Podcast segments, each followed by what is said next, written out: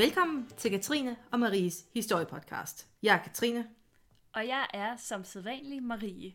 Og hvordan har du det i dag, Katrine?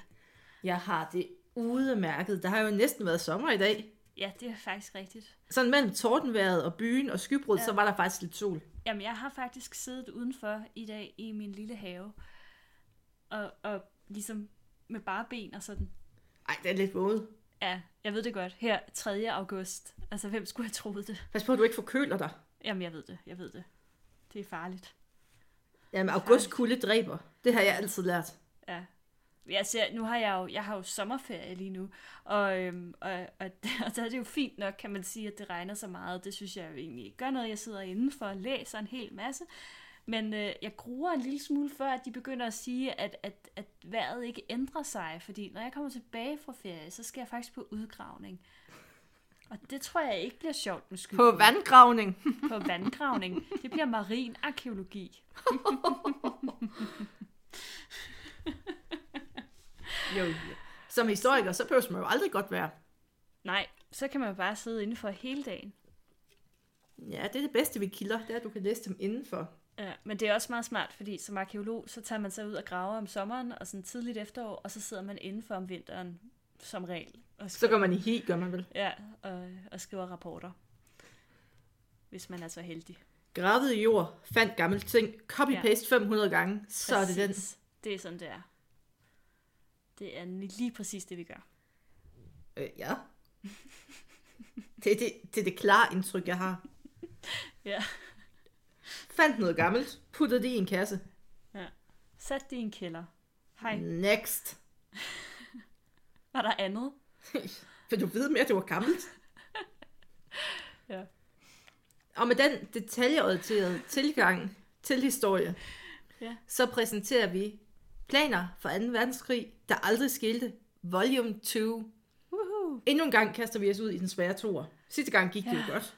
Ja, det gjorde det. Og vi tænkte, hvorfor stoppe, mens lejen er god? Nemlig, det er ikke noget for os. Nej, det gør vi ikke den slags. Vi fortsætter til den bitre ende. Altså, den bliver bare kørt i graven fuldstændig. Fuldstændig, ja. Så i dag, så laver vi jamen, altså, en kombi igen, hvor vi så kigger en lille smule mere på de tyske, mm. og en smule på kemiske våben. Oh, ja. Yeah. Og research det har sikkert placeret mig på alle watchlist over det hele. Jeg tror ikke, man kan google mildbrand i dag, uden at komme på watchlist. Jeg vil sige, måske det er også kombinationen af de ting, du har googlet sådan det sidste halve år. Det er ikke kun det sidste halve år, Marie. Jeg har altid haft en interesse i mildbrand og atomvåben. Og, og atomvåben. ja. Du er så meget på en watchlist. Ja, men så ved jeg, at den dag, hvor jeg ikke googler noget, så kommer de og ser, om jeg er okay. Ja, Jamen, det er meget rart selvfølgelig. Så kan man det er en slags livsforsikring, kalder jeg det. Ja, man kan lige teste. Men i dag skal vi tale om nazisternes samarbejde med IRA, mm. den irske oprørsgruppe. Ja. Vi skal tale om økonomi, vi skal tale om forfalskninger og pengesedler. Uh. Mm-hmm. Og vi skal tale om Operation Vegetarian, som dækker over noget meget, meget mørkere ja. end folk, der ikke spiser kød. Ja.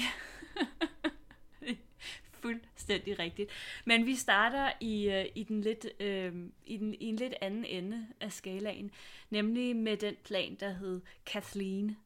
Øhm, og det var en plan, der gik ud på, at øh, nazisterne de havde en drøm om at besætte Irland og bruge øen som base til at angribe England. Det var Operation Gren. Eller, eller Green. Vi er lidt Green. i tvivl om, det skal udtales på tysk eller engelsk. Eller, eller måske sådan tysk-engelsk. Sådan Operation, Operation Green. det var en, øhm, den her operation, det var en klassisk angrebsplan anført af tyskerne. Men øh, sideløbende med den plan, der forsøgte man så at iværksætte plan Kathleen, hvor man ville udnytte intern, den, eller den interne splittelse, der jo var i, i Irland. Fordi det bedste, man kan gøre, det er at få andre til at gøre arbejdet for en. Det er jo også min egen filosofi, og det var faktisk også den, nazisterne brugte. man ville rigtig gerne udnytte, at der var nogle interne spændinger, og så hvis man nu var lidt heldig, så kunne man få nogle andre til at besætte Irland for en, og så bare udnytte deres arbejde. Ja. Ja, ikke så præcis. Og de interne spændinger i Irland, det er jo den klassiske med IRA og alle de andre. Den, den kender vi godt. De, folk er lidt ældre karakterer, inklusive mig faktisk. Jeg kan godt huske sådan dengang, at de ikke lavede andet end at gå og bombe og skyde, og jeg ved ikke hvad. Ja, det var, det Men var dengang IRA faktisk var en, en terrororganisation. Er, er de ikke stadig det? Ja, de, Jeg kan ikke, eller, de, blev, de blev har de ikke nedlagt mere, våben? Jo, altså, og de er jo blevet sådan lidt mere tæmmet her i de senere år. Og, og var vist også- forresten. Kom de i parlamentet og sådan noget. Jeg er ikke så meget inde i det. Men, men altså, de blev sådan lidt mere nede på jorden. De stoppede med at skyde folk. Ja, og bombe folk. Og det er et Ja. godt udgangspunkt, hvis man vil dipl- diplomati. Det er fremgang. Ja, Men det de her spændinger mellem IRA og resten af Irland og England, de startede faktisk allerede, altså, de eskalerede, kan man sige. Ja, den, de var- første, den 1. januar 1939. Ja. Og der var IRA og England mere eller mindre i krig. Mm. Det kan sagtens karakteriseres som det.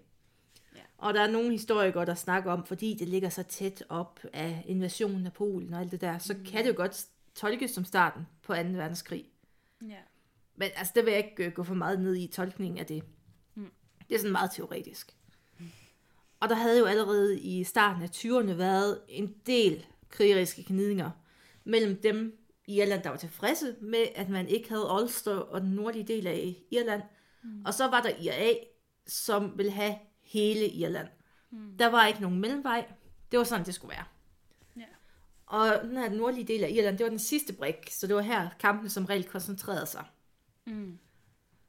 Og altså, det havde den her symbolske betydning for IRA, men for nazisterne, der er Ulster bare det perfekte springbræt ind, og hvor man kan angribe den bløde mause af England. Fordi at det bare, altså man kunne bruge det som den perfekte base, det var tæt på, og man kunne bruge, altså man kunne landsætte tropper derfra. Man kunne sende fly afsted, der var jo nærmest ingen grænser for herlighederne. Nej. Så derfor havde man en stor interesse i at gøre det her. Og man ville egentlig helst gøre det på en måde, så man ikke selv skulle landsætte tropper der i starten. Man ville have IRA til at sikre området, og så ville man selv rulle ind lige så stille. Ja. Og øh, det begyndte man jo så på i sommeren 1940, hvor at Abwehr-agenten Hermann Görz, han blev kastet ned over England. Og det gjorde han Eller for Irland. At, ja, undskyld, Det var mig, der skrev forkert. Det, jeg, jeg er fuldstændig... Øh, øh, jeg tror bare på alt, hvad Katrine siger. Ingen kildekritik. Sådan skal det også være. Ja, det er selvfølgelig, at han blev kastet ned over Irland. Det giver også lidt bedre mening i sammenhængen. Same, same. Og det gjorde han for at få etableret en kontakt med IRA. Han fik hjælp af en tysk efterkommer, der hed Stephen Carroll Helt. Og Helt, han havde ikke nogen baggrundshistorie med IRA. Han havde ikke haft noget med dem at gøre før øh, Gertz ankomst. Og faktisk så var han egentlig meget gladere for Tyskland, og han identificerede sig som tysker, trods sin øh, irske opvækst. Ved du, hvad jeg lige kom til at tænke på? Nej. Gør sådan laver jo faktisk en diplomatisk hæs. Ja, Hvis det vi er ikke engang husker. løgn. Ja, det er faktisk fuldstændig rigtigt. Ej, det var sjovt. Ja, det du, lige til tror du, Hess har været inspireret af den her historie? Fordi Ja, ja, det vil. på. Jamen altså, jeg vil da, altså, det, jamen, altså, så laver man en hest. Det hedder det fra nu af. Ja. Det er måske i virkeligheden noget, som, som tyskerne har gjort sådan Det er jo den letteste ved. måde at få folk Altså, ned. Det må man sige. Også en anelse risikabel. Men, men Det er svært at få dem igennem en paskontrol. Det kan man selvfølgelig sige. Nå, ja. Det gik hurtigt op for de her to øh, tyskere, Gertz og Helt, at øh, det ikke ville blive helt så nemt, som man havde håbet på i starten. IRA de var meget dårligt organiseret, og deres udstyr var forældet. Helt, øh, han var heller ikke ligefrem nogen superagent, og da det irske politi fik nys om hans aktiviteter, der gennemsøgte de hans lejlighed og fandt flere hemmelige dokumenter. Øh, ikke ligefrem sådan. altså selv, selv jeg, som ville være en mega dårlig hemmelig agent, ville nok lige have puttet de hemmelige dokumenter ned i en skuffe eller et eller andet. Den taktiske hemmelighedsskuffe. Ja, præcis. Må ikke åbnes, står der på skuffen. Vasketøjskuffen. ja. Har intet hemmeligt i denne skuffe. Der er der, jeg gemmer alle mine dokumenter om mildbrand. Ja. I, den, I din hemmelige mappe på, på øh, serveren. Ja. Ja. På skrivebordet, de kigger aldrig. Nej, præcis. Øhm, de, øh, de fandt de her hemmelige dokumenter, og på baggrund af dem så anholdt de så øh, Helt. Gertz, han blev jo tvunget til at flygte. Nu var det her jo øh, ligesom øh, planen var ligesom gået i vasken, men øh, han blev så fanget i november øh, 1941. I 45, der blev han dømt til at skulle sendes hjem til Tyskland, men det ville han bare overhovedet ikke. Så øh, han begik selvmord med cyanid. Klassisk. Det må man sige. Efter at de her planer var gået i vasken, så sad tyskerne lidt i 40'erne, eller starten af 40'erne og tænkte, hvad nu? Men selvfølgelig opgiver man ikke håbet, så man prøver en gang til. I stedet for Operation Green, så gik man over til Operation Kathleen, som, og man gik all in på den. Mm. Og man får fat i Liam Gaynor, og det var ham, der skulle stå for planlægningen. Han havde været en del af fagforeningen, og han havde nogle kontakter. Lad mig sige det på den måde. Blandt andet var en af hans kontakter Stephen Hayes. Og Hayes, han var på det her tidspunkt vikar for Sean Russell, lederen af IAA. Og Russell, han opholdt sig i det her stykke tid i USA, fordi at der var nogle englænder, der rigtig gerne ville have fat i ham. Mm. Så han tænkte, han godt lige ville lægge et ocean imellem ham og myndighederne. Det er meget smart. Og, men øh, Russell og Hayes, de bliver så enige om, at der er et go til den her plan med, at tyskerne gerne må bruge IAA og bruge Irland. Og planen den giver sådan mere specifikt tyskerne lov til at bruge den nordlige del af øen til militære formål. Og det skjulte formålende plan for irlænderne var formentlig, altså det er jo meget kontraintuitivt, at man vil alliere sig med folk, der smider englænderne ud, men som så besætter landet. Det må man sige. Kontra- Ja, en lille smule. Ja, Ja, sådan lidt. Ja. ja. Og De vælger meget- mellem pest eller kolera måske i den sammenhæng. Nemlig. Altså, spam eller bratwurst.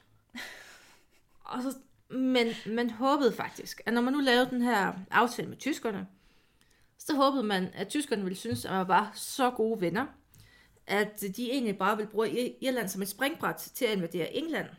Mm. Så det vil sige, lande med tropperne, og så sende tropperne videre. Mm. Og så bare lade Irland være for sig selv, og lade dem fungere som en selvstændig, altså måske i yderste tilfælde en vasalstat, men en fri stat. Man havde nemlig ingen interesse i, at andre skulle besætte Irland igen. Nej. Så det var egentlig derfor, at man gik med til den. Og tyskerne, de synes jo, det var gevaldigt smart, at man fik andre til at gøre det dårlige, altså det trælse arbejde med at besætte. Der kunne man jo godt spare nogle penge og nogle, noget materiale. Ja, Men- Det var så her, tilfredsheden stoppede fra nazisternes side. Fordi at der var nok, øhm, ja, der var nok en kulturkløft mellem irsk planlægning og tysk militær planlægning, lad mig sige det på den måde. Hayes Ja. og Gaynor, de havde sådan, altså, altså det, var, det, var- sådan meget irsk med, at så, jamen, så får I det, og så må I sørge for det selv, og vi ved egentlig ikke helt, hvordan det skal fungere, hvordan skal forsyningslinjerne være. Møh. Det var sådan nogle ting, man ikke gad at tage stilling til. lidt, lidt laissez-faire. Det Meget går nok. Det var nok sådan noget make it up as you go, når man kom til det. Ja. Og make it up as you go, det er ikke rigtigt det tyske militærs motto. Nej. Ja, Præcis. så der var nogle... De var ikke så glade for hinanden, men planen den var jo egentlig stadig, den lå klar, hvis det var. Mm. Men det blev aldrig til noget, fordi at tyskerne de vurderede egentlig, at det var svært at få tropperne ind i Irland, hvis det var. Fordi hvordan får man lige dem over? For enten skal man flyve over England. Og det er ikke så let. De, englænderne de havde jo vist en, altså, en uforskammet mængde af modstand mod tyske luftangreb. Sikkert. Så kunne man, ja, så ikke noget. Og så kunne man også sejle dem ind.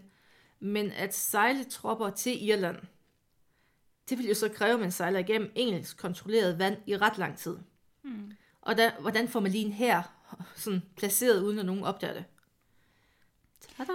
Men var det ikke noget, man ligesom kunne have tænkt over fra starten, tænker jeg? Jamen, jeg, jeg tror, at man regnede med, at øh, de, altså angreb, luftangrebene, det ville knække britterne. Ja, okay. Det var egentlig det, man havde håbet på. Og så når de var rimelig knækket, så kunne man så få sin IRA til at angribe Nordirland mm. og besætte det. Og så kunne man komme med sin egen tropper, og så kunne man lave en, ja, en knivtangsmanøvre. Det var egentlig det, man håbede på. Men Ja, okay. Ja. tilfældighedernes spil, og IRA, de kunne jo heller ikke rigtig tage sig sammen. Nej. Det var så også den næste del af planen. De var jo heller ikke sådan de bedste samarbejdspartnere, når det kom til stykket. Nej, de var ikke så organiseret. Nej, meget var de gode til, men organisa- altså, organisering, det var ikke lige dem Nej. på det tidspunkt. Det har, de, det har de også haft lidt problemer med efterfølgende. Ja. Der har været forskellige, der er forskellige fraktioner også inden for IRA. Den næste operation, vi skal tale om, det er Operation Bernhardt. Og der må, altså nu kommer vi så ind på noget af det mest sexede nogensinde. Uh. Økonomi. Oh, Mm. yeah. Uh, yeah, baby. Oh, yeah. Hyperinflation, Marie. Mm. Uh. Sig det igen. Hyperinflation. Mm. Ja, ikke også? Ja, det er fandme et lækkert ord. Ja, ikke også? Tyskerne, de sidder lidt og spørger sig selv, hvordan kan man knække en nation indenfra? Og svaret er selvfølgelig, man ødelægger dens økonomi. Tyskerne, de havde jo selv rigtig gode erfaringer med, hvad der sker, hvis inflationen den bliver alt for høj. Så derfor tænker nazisterne, hvis vi nu oversvømmer den engelske økonomi med falske sedler, så kan vi skabe en hyperinflation. Og den her hyperinflation, den skulle så være med til simpelthen at få den britiske økonomi til at bryde sammen, så man ikke har råd til at få krig, og folk de er sultne, og så er det bare let og elegant at invadere Storbritannien. Det var jo langt hen af vejen nazisternes ultimative mål. Ja, Mm. okay. Det og er- invadere Storbritannien. Man gik rigtig meget op i Storbritannien. Ja. Jamen, det er forståeligt nok. Og selvom altså det lyder meget ambitiøst at knække en hel økonomi, og det var nok også lige, lige overkanten, lad mig sige det på den måde. Så det ender med, at man faktisk bare er nødt til at ty til nogle små beskidte tricks for at drille økonomien lidt. Mm. Og hvis der er nogen, der sidder derude og tænker, Operation Bernhard, det har jeg hørt derude før, så er det fordi, at du har utrolig god smag. Operationen, den blev faktisk altså, næsten verdenskendt. Takket være en dejlig, dejlig britisk serie fra 1981, Private Schultz. Private Schultz. Ja. Og den er fantastisk, og hvis I sidder derude og tænker, hvad er dog dette, dette smukke stykke, så er I nødt til at skrive til Danmarks Radio, til TV2, Charlie, jeg ved ikke, hvem, der, altså, hvem man sådan sender gamle britiske serier, men skriv til dem og sig, at de skal sende Private Schultz. DRK. Ej, det er, ja, DRK kunne også godt. Skriv DRK, til dem, ja. og kræv, at det bliver genudsendt, for det er fantastisk, og det er sjovt. Det er ikke noget, altså der er slet ikke noget drama i det, det er komik, det er allo allo sjovt faktisk. Det lyder fantastisk. Allo må det er jo beviser på, at franskmænd kan være sjove. Øh, Det eneste bevis. Jeg tror ikke helt, du fangede den, men ja. Fordi ja, allo, allo ikke er sjovt. Det er i hvert fald ikke fransk. Når den er ikke fransk. det, det, det vidste jeg godt. Øhm, ja, Listen very Øh, carefully. I shall say this only once.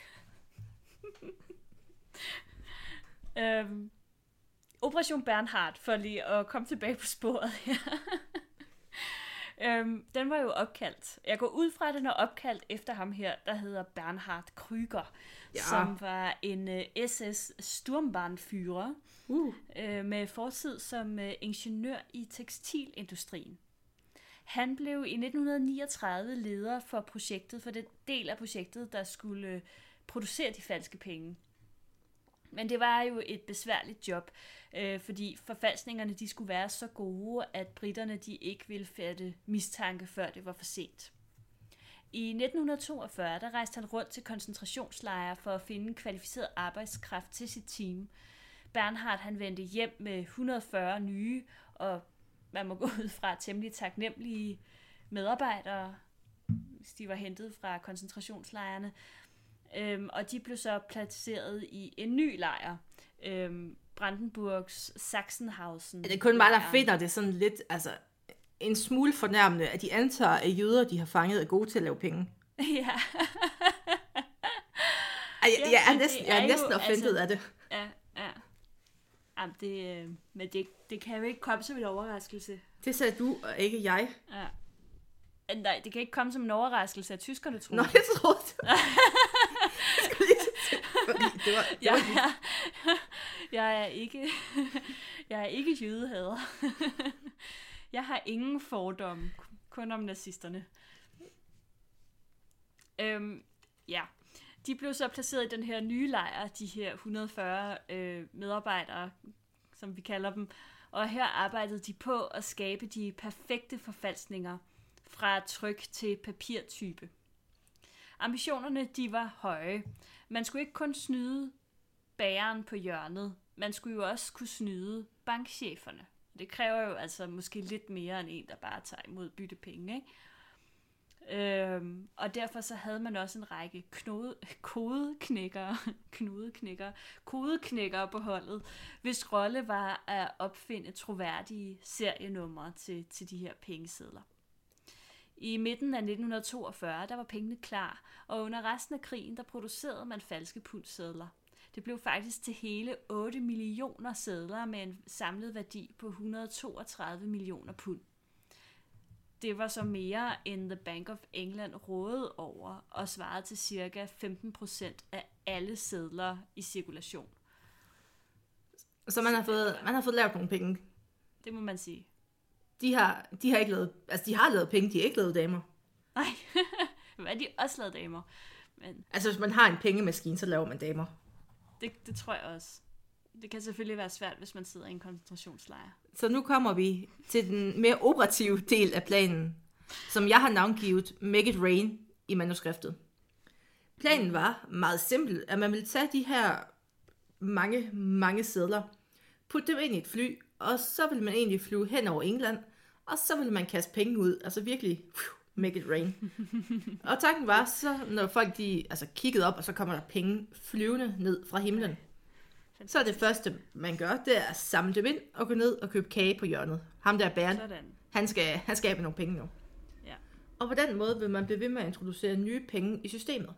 Mm. Og så til sidst vil det blive over, altså overfyldt, og inflationen vil stige, og kabum, nedbrudt økonomi. Sådan. I 42, da man så er færdig med alle de her pengesedler, så står man dog med et mindre problem, kan man sige. Englænderne, de havde jo fået lukket af for de tyske bombeangreb, de havde vundet The Battle of Britain. Og samtidig med, så havde tyskerne også fået et nyt engagement over Østpå, hvor der skulle bruges rigtig mange bombefly. Og så står man lidt, vi har ikke nogen fly at kaste vores penge ud med. Sidder, man forestiller at sidde på 8 millioner Ja, pundsedler og tænke, hvor, Falske pundsedler. falske pundsedler. og så hvordan kommer man af med det? Det kunne man jo næsten også have lavet i Allo Allo. Ja, det kunne man sagtens. Så, så må man jo finde på, hvad man skal bruge dem til. Så pengene, de bliver så brugt af agenter. Der, altså, der var jo agenter, nazistiske agenter i England, de fik jo masser af penge lige pludselig. Og så brugte man det, altså spioner og sådan. Man fik det ind på det sorte marked, og hvis man skulle købe våben og materiel på det sorte, sorte marked, så var det de falske pundsedler. Mm-hmm. Så kan man snyde andre mennesker. Sådan. Og sådan som en slutnote. I slutningen af krigen, så begyndte man så i stedet at producere amerikanske dollars. Meget logisk. Selvfølgelig. Men tanken var, at man kunne godt se, hvilken vej krigen den gik. Mm. Så man ville hellere have den, den endnu mere gangbare valuta, amerikanske dollars. Og de her penge, de når så heller ikke at blive brugt af tyskerne. I stedet så falder det her store lager af dollars, man nu havde fået lavet, de falder så i hænderne på en, altså en ret, altså den jødiske modstandsbevægelse i Palæstina, hvor at de så bruger pengene i kampen mod britterne. ja. The irony. Øhm, og, og altså, det, det lyder som om, at det kunne det, blev alligevel sådan et ret stort... Det må have taget mange år at få alle de her falske pengesedler ud af cirkulation igen, tænker jeg. Ja, altså heldigvis, øh, altså der er, jo, der er jo også alle de der skattejæger rygter med, der ligger jo lager overalt, og mm. der, er, altså, der er jo rimelig mange anden verdenskrigs skattejæger, der render rundt ude i verden. Og leder efter tog i bjerge og Jamen videre. tog og gulddepoter og kunst, ja. og jeg ved ikke hvad. Ja. Altså, de, ja. ja, altså hvor der har været nazister, så er der skattejæger i dag. Ja. De bliver jo grueligt skuffet, når de ikke finder noget som helst. Det er ligesom arkeologer. Fuldstændig. og med de ord, øh, så går vi videre til den næste operation, som hedder noget så lækkert som Operation Vegetarian. Det mest Og, ironiske øh, navn nogensinde givet. Det må man sige. til noget som helst. Sige. Det er faktisk et meget sådan, altså, på en eller anden måde meget grusomt ord, når man sådan finder ud af, hvad planen den, øh, den indeholder. Øh, og det var øh, vores gamle venner, britterne, som, øh, som havde planer om at bruge biologiske våben mod tyskerne. Nærmere bestemt ville de bruge miltbrand. Planerne de blev dog heldigvis, kan man sige, måske droppet, øh, men ikke på grund af de etiske overvejelser, men fordi man simpelthen indså, at mildbrand det ikke ville virke godt nok. Eller for godt. ja, det ville virke for godt. Ja, Øhm, det var ja. ja. i hvert fald ikke, fordi man lige kom i tanke om, at det måske var, ja, måske ikke var helt på den rene, når man brugte det. Ej, Nu har vi besøgt Irland, men nu rejser vi til Skotland. Vi kommer sådan hele britiske rige rundt lige nu. ah, det er en dejlig tur. Vi skal ud til, og nu undskylder jeg for mit uh, skotske, altså jeg vil kalde det Gruinat. Det er efter sigende en dejlig skotsk ø på den vestlige kyst, men den her pæne, pæne ø, den har faktisk længe haft et dårligt ry hos de lokale. Og grunden til det, det var fordi, det var her den britiske regering, de begyndte at eksperimentere med mildbrand i 1942. Professor, en professor fra Oxford University, R.I. Vollum, han havde produceret en, altså en dejlig, altså en ekstraordinær grum streng af mildbrand. Og den bliver opkaldt efter ham. Han har sikkert været super stolt. Den hed Vollum. og 1, 4, 5, 7, 8. Næsten Gollum. Ja, og så altså forestil dig, at du får opkaldt en streng af biologiske våben efter dig. Ja. Ej. Er det virkelig det efter male? Bittersødt På en måde. Ja. Der er sådan lidt Oppenheimer over det på en eller anden måde. ja. Nå, så har man en ny streng af mildbrand, og hvad gør man så? Så skal man selvfølgelig begynde at eksperimentere, og det foregår ude på den her ø. Og man starter med at overføre bakterien til dyr. Det er sådan, altså forskellige ting. Altså man starter med, kan man overføre det med miner? Hvad med bomber? Hvordan får man det ind i de her dyr? Og grunden til, at, ja, altså grunden til, det med miner, det er, at man egentlig lægger dem ud, og så skulle dyrene træde på dem, og så ville det eksplodere med nogle kapsler, som dyrene skulle spise. Fordi pointen var ikke, at man skulle slå dyrene ihjel i første omgang.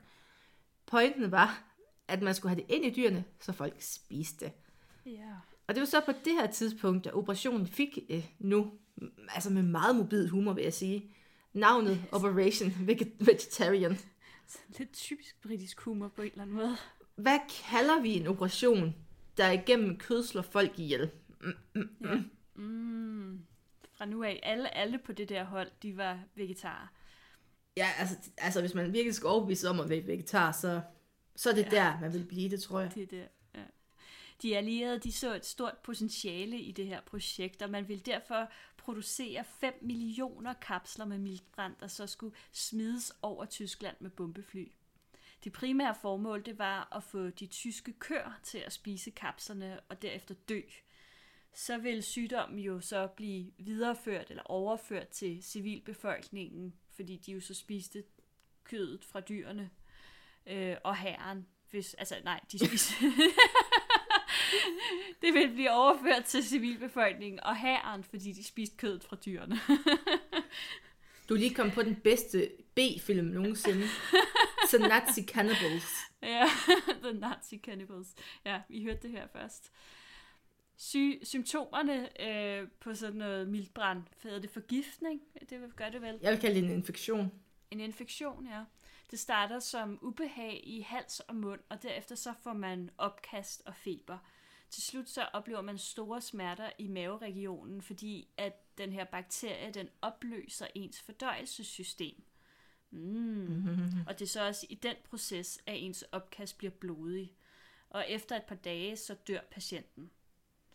Og øhm, ifølge den her plan, så ville, både, så ville de mennesker og dyr, som ikke blev inficeret med vildbrand, de ville så dø af, af fødevaremangel, fordi, ja, Så står man tilbage i en verden uden køer og uden nabo.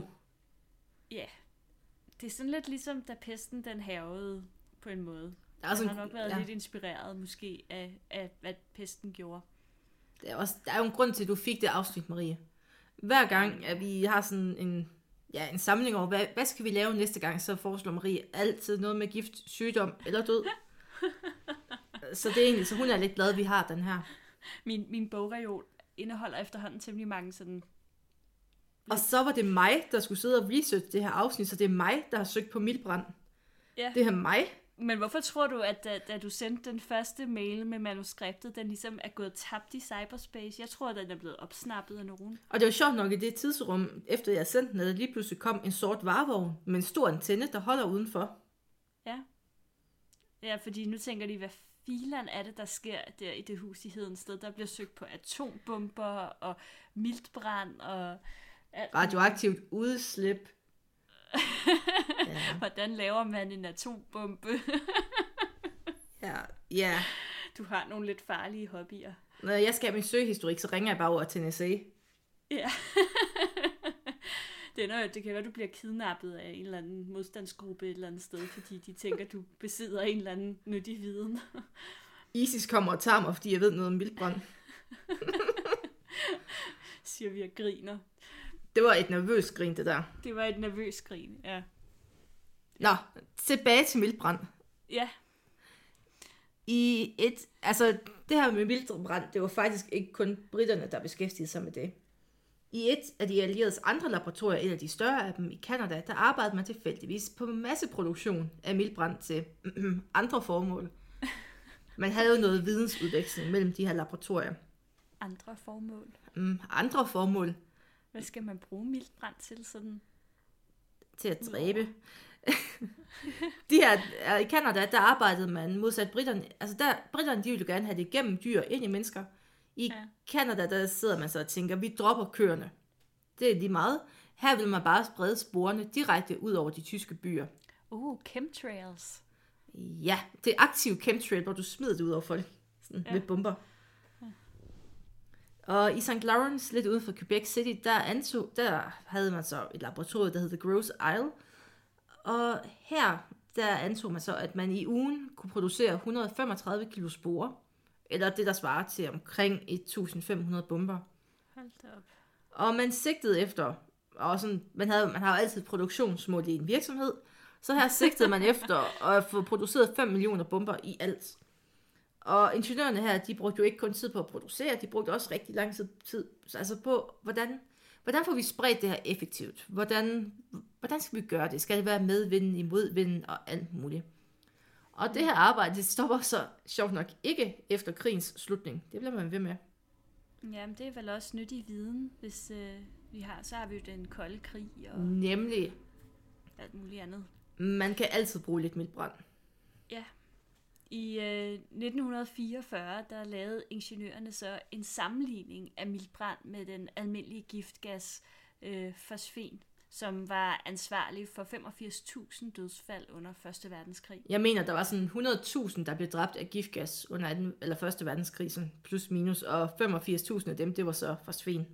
Ja, fedt.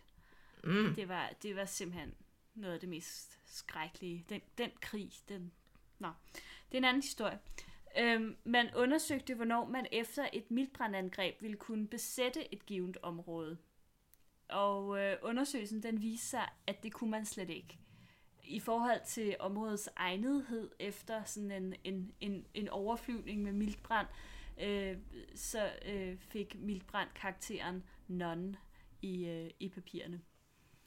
Øh, det var simpelthen øh, alt for usikkert for de invaderende styrker at gå ind i et område, hvor man havde spredt så meget mildbrand ud. Jeg kan godt lide, Så- det er derfor, at man siger, nej. Ja. Ikke Nej. fordi det er mega uetisk og farligt, men fordi at vi ikke selv kan besætte det bagefter. Ja, vi er fuldstændig Det er simpelthen for effektivt. Ja, det, det er helt vildt. Øhm, den her, det her laboratorium i, øh, i Canada, jeg vil ikke bevæge mig ud i at sige navnet på den, The Gross Isle, The Gross Isle, jeg ved Ja, det går ild. Jeg er også sådan, fordi det er ved Quebec, til der kunne de også ja. godt tale fransk. Ja, det kunne de. Men Hvorfor, så der the, hvorfor får vi de her the kombi-ting? Vi har sådan en ved det irsk, ikke, tysk altså. kombi, og nu har vi en fransk-engelsk kombi. Det, Og, det, altså, kan vi ikke snart bare lave noget, der er dansk? og så skal vi lave noget med arkeologi igen. Ja. Uhu. Øhm, nå, men den her, det her laboratorium i Canada, det blev lukket efter en række ulykker, men ikke før, at man havde produceret ikke mindre end 70 billioner doser mildbrand. Nok til at dræbe verden 30 30 gange. Det er altså... Det er temmelig creepy, synes jeg. Ja, hvorfor ikke have mere mildbrand? Ja. Ved du, hvad der er bedre end mildbrand? Mere mildbrand. Og det som jo var det store problem, man jo stod med nu, hvor krigen, den ligesom, hvor altså laboratoriet var lukket og så videre, det var, hvad, hvad gør vi af det her mildbrand? Hvad gør vi, når vi nu alligevel ikke står her og skal bruge Så det er her det- mildbrand? Bare låst inde. Hvad, hvad gør man ved det, Katrine? Jeg Se, ved, det har jeg jo det. det har jeg googlet. Jamen, internettet er blevet meget langsomt siden da. Ja. Men øh, løsningen var jo en, altså det er svært at dræbe det. Det tager tid, fordi at, og det er også dyrt, og man kan ikke lide dyre løsninger. Så meget af det, det blev faktisk bare lukket inde. Seriøst. Altså ikke det hele, men meget af det. Man havde jo ligesom 70 billioner doser, man skulle af med. Ja, ja. Og Altså på det her laboratorium, eller... Ja, det var jo bare der. henne? du skal jo huske, det ikke var det eneste sted, man lavede mildbrand, Marie. Ja. Mm. Og det er dyrt at slå ihjel, og man kan jo ikke rigtig springe det i luften. Nej. Jamen, det er jo det samme, man står med, med atomvåben også. Hvad delen gør vi ved det? Jo, men atomvåben er bare på en eller anden måde sådan... Ja, der er selvfølgelig også noget stråling og så videre, men jeg ved det ikke. På en eller anden måde, mildbrand er bare endnu værre, fordi det, det fylder ligesom ikke rigtig noget. det er ligesom... Det kræver alligevel lidt at skulle, skulle skyde en atombombe af. Det kræver ikke så meget at lige tage en konvolut med noget mildbrand med ned i en undergrundsbane. Eller Dem, der lytter, det var Marie, der sagde det, og ikke mig. Nej, nej, nej, nej, det vil jeg ikke siddende på mig. Men øh, det var, det var så i øvrigt vel derfor, øh, efter at man lukkede det der laboratorium, at, øh, at det, det, det fik sådan lidt, altså jeg har sådan et indtryk af, at det er sådan lidt Tjernobyl-område-agtigt. Ja, det var jo først at- for at man nylig, jo- at man åbner det op Ja. igen, fordi at, det var lidt svært at gøre rent, hvis man skal sige det på Ja. den måde. Ja. Damn. Ej, det synes jeg er virkelig creepy. Hvad hedder det? Det, det var her, jeg tænkte, at det var sådan et godt, en god idé til en uh, James Bond-film, eller sådan et eller andet. Hvor at en, en uh, farlig islamistisk gruppe, de... Uh, fordi det er jo uh, vores tids... Terroristgruppe. En terroristgruppe. Okay, de behøver måske ikke være islamister. De kan være hvilken som helst gruppe. Marie, terrorister kan have alle former Ja, og farver. nu, nu er det bare lige dem, der sådan er op at vende for tiden. Øhm, og hvad hedder det? Øh, øhm, og, og så skal de ud og søge efter det her, det her depot af, af mildt brand fra 2. verdenskrig. Og der er kun én mand, der kan standse dem. Du, du, du, du. Du, du, du, du, du, du, I tager den bare. I hørte det her først. Jeg tror også, at de har lavet den. Tror du det? Jeg er ikke, så inde i, jeg er ikke inde i alle James Bond-film. Nej. Men i hvert fald, det var tre planer fra 2. verdenskrig, som ikke fandt sted. Ja. Det er godt.